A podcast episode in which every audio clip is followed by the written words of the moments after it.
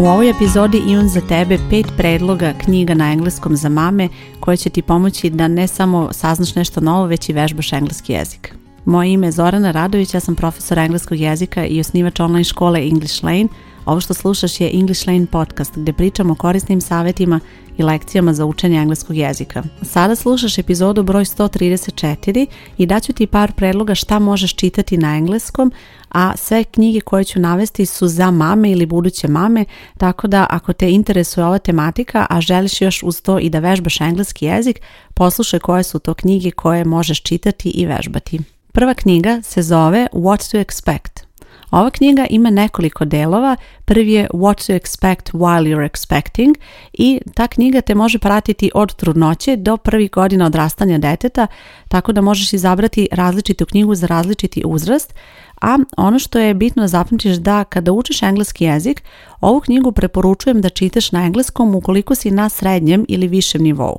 Dakle, ako si na početnom, bit će malo više terminologije i malo složenijih rečenica i jednostavno bit će ti malo teško da ispratiš, ali ako si na srednjem nivou, ili na većem nivou od toga, bit će ti korisno da čitaš takvu knjigu na engleskom. Generalni savjet koji ću ti dati da bez obzira na kom si nivou, kada želiš da čitaš na engleskom, nemoj da se opterećuješ da razumeš apsolutno svaku reč u početku, jer to je nešto što nećeš moći da izvedeš, jednostavno bit će uvek poneka nepoznata reč u zavisnosti od knjige koju izabereš, samo je bitno da izabereš knjige koje su odgovarajuće tvom trenutnom nivou znanja. Dakle, za ovu knjigu ako si na srednjem nivou možeš već krenuti da čitaš jer postoje delovi ove knjige koji imaju dosta jednostavne rečenice, koji imaju instrukcije, ali čak i ako postoji neka složenija rečenica, uvijek probaj da odvojiš tu rečenicu, da je podeliš na nekoliko celina i da onda na taj način probaš da je razumeš. Ono što ćeš naučiti posebno u ovoj knjizi su modalni glagoli jer e, knjiga je puna savjeta i vrlo često ćeš vidjeti rečenice you should, you need, ili recimo your baby should be able to, your baby may be able to, dakle sve ovo su modalni glagoli i tu ćeš baš dosta imati prilike da baš upotrebu tih modalnih glagola i kako se ta upotreba razlikuje u rečenicama da daš savjet ili recimo da se izrazi neka mogućnost. Knjiga What to expect je pisana kao vodič i puna je praktičnih i korisnih savjeta koje možeš primijeniti u različitim fazama odrastanja deteta a sljedeća knjiga na engleskom za mame je knjiga koja se zove Real Food Kids Will Love. Ova knjiga je kuvar za dečiju ishranu i ukoliko tražiš recepte koji će ti pomoći sa idejama kada je u pitanju ishrana dece, možeš pogledati ovu knjigu, ali predlažem da je pročitaš na engleskom. Ono što ćeš naučiti kada je u pitanju engleski jezik su nove reči i izrazi, posebno kada je u pitanju ishrana, a druga stvar koju ćeš naučiti je davanje instrukcija – kada daješ instrukcije, tada izostavljaš subjekat rečenice i to je nešto što ćeš učiti kada kreneš sa učenjem engleskog jezika, recimo kada pričaš za pravac i kada želiš nekome da kažeš da ide pravo, da skrene levo, isto je sa instrukcijama kada je u pitanju kuvanje. Dakle, reći ćeš nekome da stavi sastojke u činiju, da promeša sastojke, da peče na određenoj temperaturi neko jelo. Dakle, sve su to instrukcije i to ćeš učiti kako se to kaže na engleskom kroz ovakav vid tekstova. Ovu knjigu preporučujem od početnog do srednjeg nivoa. Na početnom nivou će možda biti malo komplikovano ispratiti neke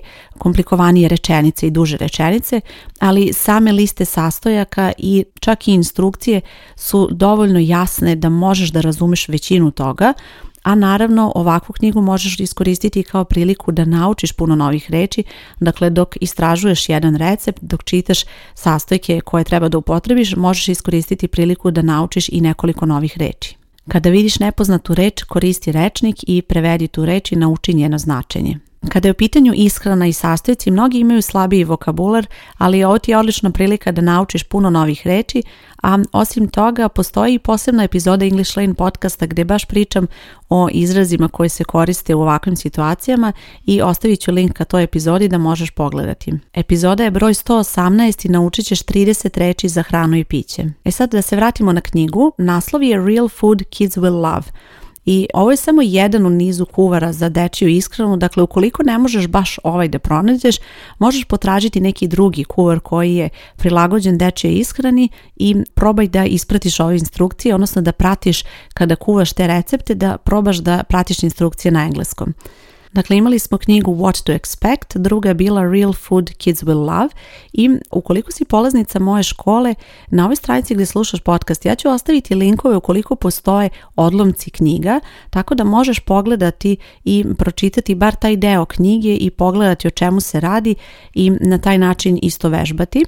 A dolazimo do treće knjige na engleskom za mame, a u pitanju je knjiga koja se zove Peter Rabbit Tales. Ovo je dečija knjiga i ono što je bitno da zapamtiš da kada učiš engleski jezik, iako si na početnom ili tek počinješ srednji nivo, ovakve knjige će ti biti izuzetno korisne. Postoje i filmovi o Petru Zecu, ali ono što je bitno kod ovih knjiga je da su veoma korisne da ih čitaš svom detetu naravno, ali uz to možeš vežbati engleski jezik zato što ćeš čitati rečenice koje su dosta jednostavne i nešto što ćeš moći da razumeš čak i ako si na početnom nivou, tako da eto od početnog nivoa preporučujem ovakvu knjigu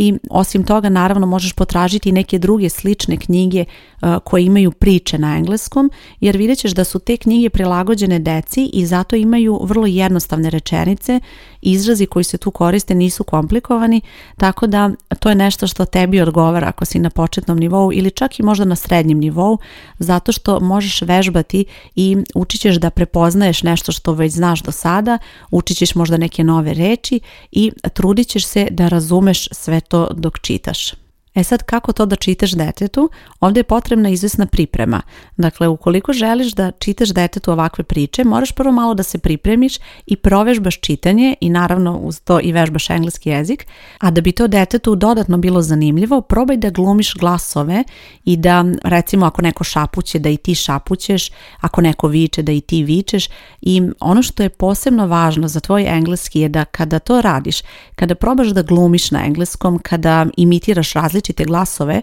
ti u stvari pokazuješ koliko si sigurna u svoj izgovor i koliko si dobra u tome da nešto izgovoriš i vidjet ćeš da ti je to odlična vežba za tvoje samopouzdanje i za vežbu izgovora. Naravno, da bi dete razumelo priču, potrebno je u početku prevoditi, tako da ćeš čitati možda jednu rečenicu na engleskom, pa ćeš onda tu rečenicu prevoditi na materni jezik. To je ono što sam ja radila kada sam čitala ovu priču, jer je bitno da dete razume priču, da bi bilo naravno zanimljivo, mada tu uvijek ima i dosta sličica, pa dete može mnogo toga i da zaključi kroz sličice dok ti čitaš. Meni se recimo dešavalo da ja pročitam rečenicu na engleskom i onda pitam dete da li razume o čemu se radi ili onda pogleda sliku pa proba da